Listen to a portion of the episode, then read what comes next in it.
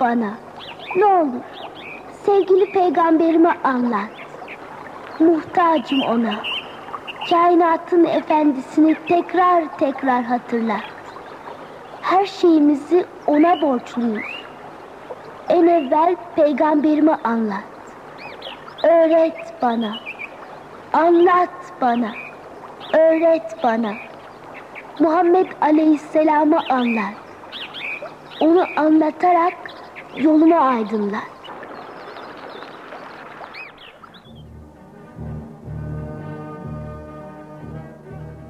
Sevgili Peygamberimiz Ramazan-ı Şerif'in 17. gecesi Hazreti Ali, Zübeyir bin Avvam ve Sa'd bin Ebi Vakkas'ın da aralarında olduğu bazı sahabileri çevreyi tarayarak düşmanın yeri hakkında bilgi toplamaları için gönderdi.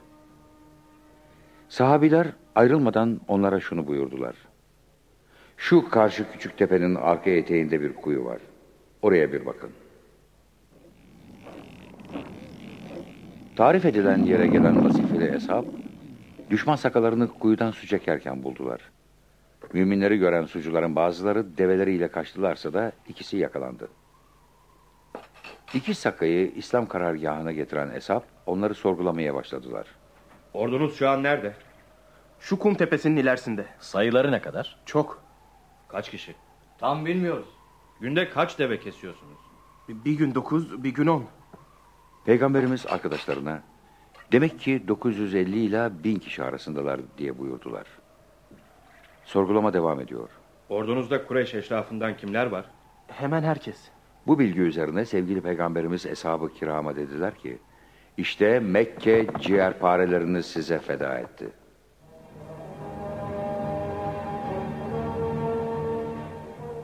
Bir kısım sucularını esir vermek kafir ordusunu harekete geçirdi. Temkinli bir şekilde Bedre doğru ilerlemeye başladılar.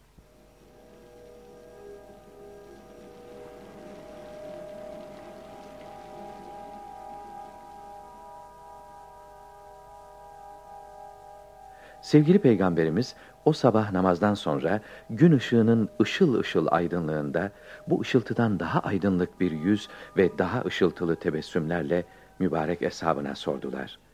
Yerimiz iyi mi? Bu menzilde mi karar kılalım yoksa karargahımızı başka yere mi nakledelim? Sabah açan güneş ve çıkan sıcakla kısa zamanda toprak sertleşmiş, çölde hareket zorluğu kalmamış, bütün kırbaların doldurulmasıyla su sıkıntısı sona ermişti. Habbab İbni Münzir söz aldı. Ya Resulallah, burada yerleşmek şahsi fikriniz midir? Yoksa vahiy mi geldi? Şahsi fikrim buyurdular. O halde şunu arz ve teklif ediyorum. Son kuyuya kadar çekilelim. O kuyunun suyu bol ve tatlıdır. Bunun önünde bir havuz açarak suyu havuza bağlayalım. Harp esnasında susadıkça havuzdan istifade ederiz. Diğerlerini taş ve toprakla doldurarak kör kuyu haline getirelim. Düşman bunlardan istifade edemesin. Ayrıca dediğim yer vadiye de hakim bir noktadır. Ama doğrusunu yine de Allah'ın Resulü bilir. Biraz sonra Cebrail aleyhisselam Habbab bin Münzir'in teklifinin yerinde olduğuna dair vahiy getirdi. Vadinin Medine yakasındaki son kuyunun önünde karargah kuruldu. Sa'd bin Muaz radıyallahu an alemlerin sultanını güneşin yakıcılığından korumak istedi. Ey Allah'ın Resulü!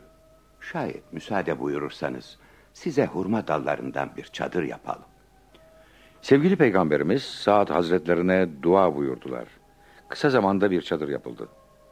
Peygamberimizle Hazreti Ebu Bekir çadıra girerken Sa'd bin Muaz da kılıcını sıyırarak kapıda nöbet tutmaya başladı.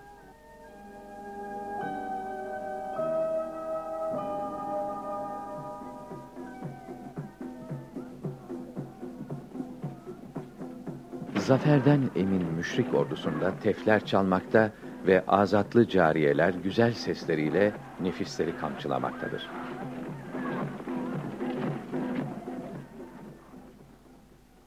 Savaştan bir önceki cuma gecesi sevgili Peygamberimiz sallallahu aleyhi ve sellem yatsı namazını eda ettiler ve namazdan sonra İslam düşmanlarının azıllarını isim isim saymaya başladılar.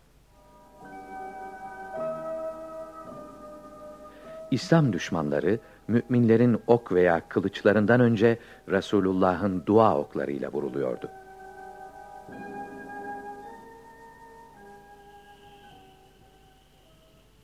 Yaratılmışların en üstünü sevgili peygamberimiz o cuma gecesini hiç uyumayarak çadırlarında sabaha kadar dua ederek geçirdiler. Dışarıda çisil çisil hafif bir rahmet yağarken büyük peygamber başı secdede olduğu halde yalvarıyorlar. Allah'ım şayet bu mücahitler düşman elinde helak olursa bundan sonra yeryüzünde sana ibadet edecek kimse kalmayacaktır. Müminler bu harbi muhakkak kazanmak mecburiyetindeler. Eğer yenilirlerse Medine düşecek, kafirler müminlere karşı kanlı bir imha hareketine girişeceklerdir. Bu yüzden peygamberimizin gözüne uyku girmiyor. Bu sırada mücahitlerin bazısı ağaç diplerinde bazısı kalkanların altında yağmurdan korunmaya çalışırken yarı uyur vaziyette sakin bir gece geçiriyorlar. Fırtına öncesi sessizlik. Namaz vakti girince kainatın efendisi çadırdan çıkarak mübarek arkadaşlarına seslendiler. Ey Allah'ın kulları! Haydi namaza!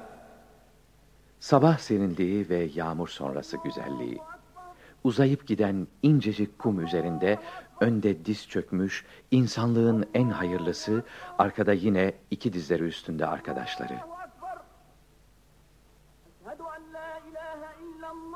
Peygamber müezzini Bilal-i Habeş radıyallahu anh ezanı Muhammedi okuyor.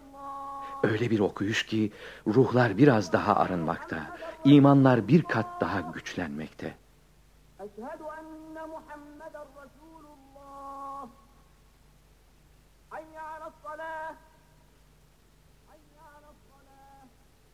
Şimdi peygamberler peygamberi imam, eshabı Bedr cemaat.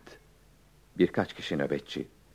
Resulullah'ın yüksek bir belagatla okuduğu Fatiha-i Şerif ve zamm-ı sureler dupduru tabiatta dört bir yana yayılıyor. Sekiz izinli sahabi dışında Bedir mücahitlerinin sayısı 305.